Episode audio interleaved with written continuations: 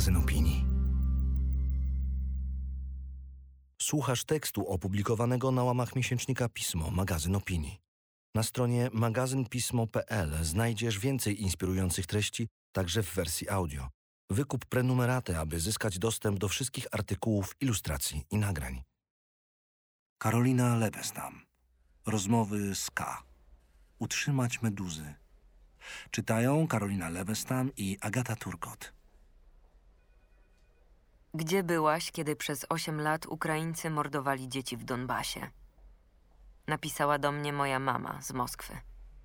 Zachód całkiem wyprał ci mózg i liczy się dla ciebie tylko kasa. A trzeba bronić matki Rosji, dodał ojciec. Powiedz mi, co ja mam im do cholery powiedzieć. Teraz matka mnie zablokowała. Moja własna matka. I już nie odbiera telefonu ani wiadomości. Mówi, że nie chce, żebym jej wysyłała amerykańską propagandę. Ojciec jeszcze nie, ale powiedział mi wczoraj, żebym uczyła się historii. Rosja nigdy nie atakuje, tylko zawsze się broni. Przyjedźcie do Londynu, poprosiłam. Jeszcze ciągle jest czas. Powiedz jej, że nie będę stała w kolejce, żeby się dostać na tę pieprzoną wyspę. Usłyszałam w tle matkę. Niech się wypchają. Pozdrowię wasze wnuki. Odpowiedziałam i odłożyłam słuchawkę. Być może na zawsze. Nie wiem, co zrobić. Nie wiem, co to znaczy zachować się przyzwoicie. I płaczę. Nina. Imię zmienione. Droga Nino, po pierwsze, dałaś mi pozwolenie na spisanie tu swoich wiadomości do mnie. Dziękuję ci. To ważne, bo kiedy twój osobisty problem to Rosjanie, którzy wierzą w putinowską propagandę, ten problem staje się problemem nas wszystkich. A po drugie, jakie to niesamowite, jakie to nieprawdopodobnie dziwaczne, jakie szalone, jak mocno zbija z tropu. Rzeczywistość przecież nie tylko istnieje, ale jest widziana. Najlepiej widzi się ją z wielu stron. Nasz mózg ma tego świadomość, więc nasz obraz świata źle się czuje w samotności i domaga się od innych członków naszej grupy nieustannych potwierdzeń. Czy to na pewno jest żółte, czy to na pewno jest wojna. A kiedy ludzie nam bliscy widzą coś zupełnie innego, wtedy świat się nam wymyka. Jakby nie był skałą, ale naręczem mokrych medus, które desperacko próbujemy utrzymać w objęciach podczas biegu. Ach, jakimż to smacznym kąskiem byłby twój list dla postmodernistów sprzed dwudziestu kilku lat. Dla myślicieli, którzy chcieli zapomnieć o złu wojny i dlatego wymazali z pamięci krew, a swoim koszmarem zamiast niej uczynili scenariusz w stylu filmu The Truman Show. Oni nie chcieli podejrzewać wrogów o chęć najazdu.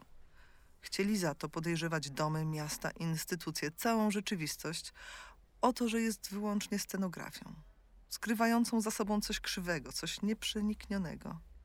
A może nawet nic, może wszystko jest scenografią, mówili, odbijającą się w systemach niekończących się luster. Zedrzesz jedną fasadę, pojawia się inna. Wszystko jest opisem, wszystko jest dyskursem. Truman opuszcza studia po to, żeby znaleźć się w innym studiu.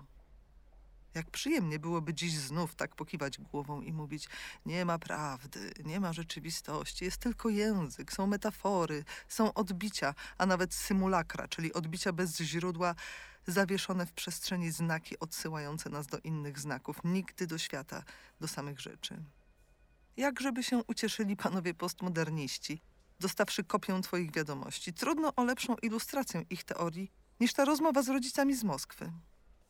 Oto osoby, które cię trzymały w ramionach jako małą kruszynkę, które cię myły i ubierały, które nauczyły cię mówić po rosyjsku, które czesały cię w kucyki do szkoły, kupowały ci pierwszy stanik, wyprawiły ci osiemnaste urodziny, a potem dały ci błogosławieństwo na wyjazd na zachód.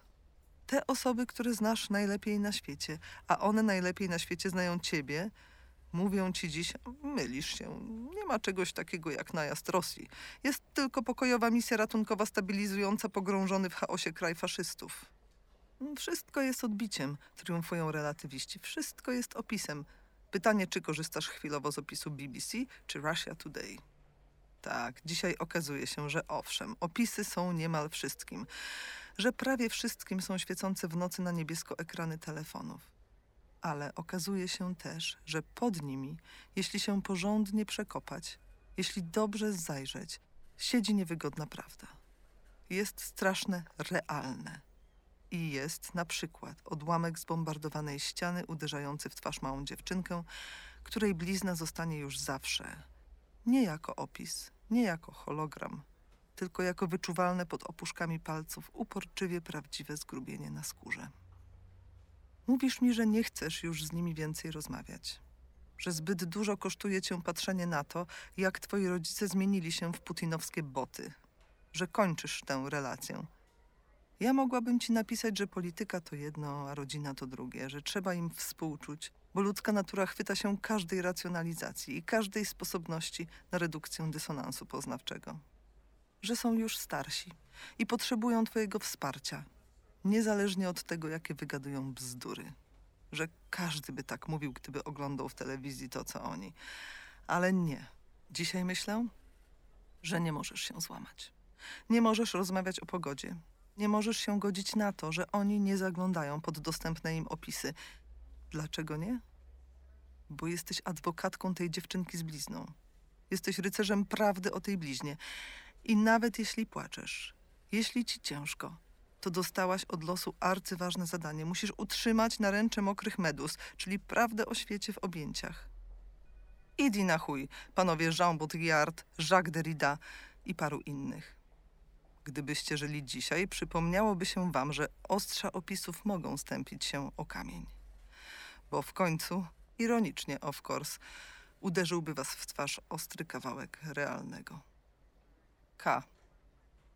Felieton ukazał się w 52. numerze miesięcznika Pismo, magazyn opinii. Czytały Karolina Lebestam i Agata Turkot.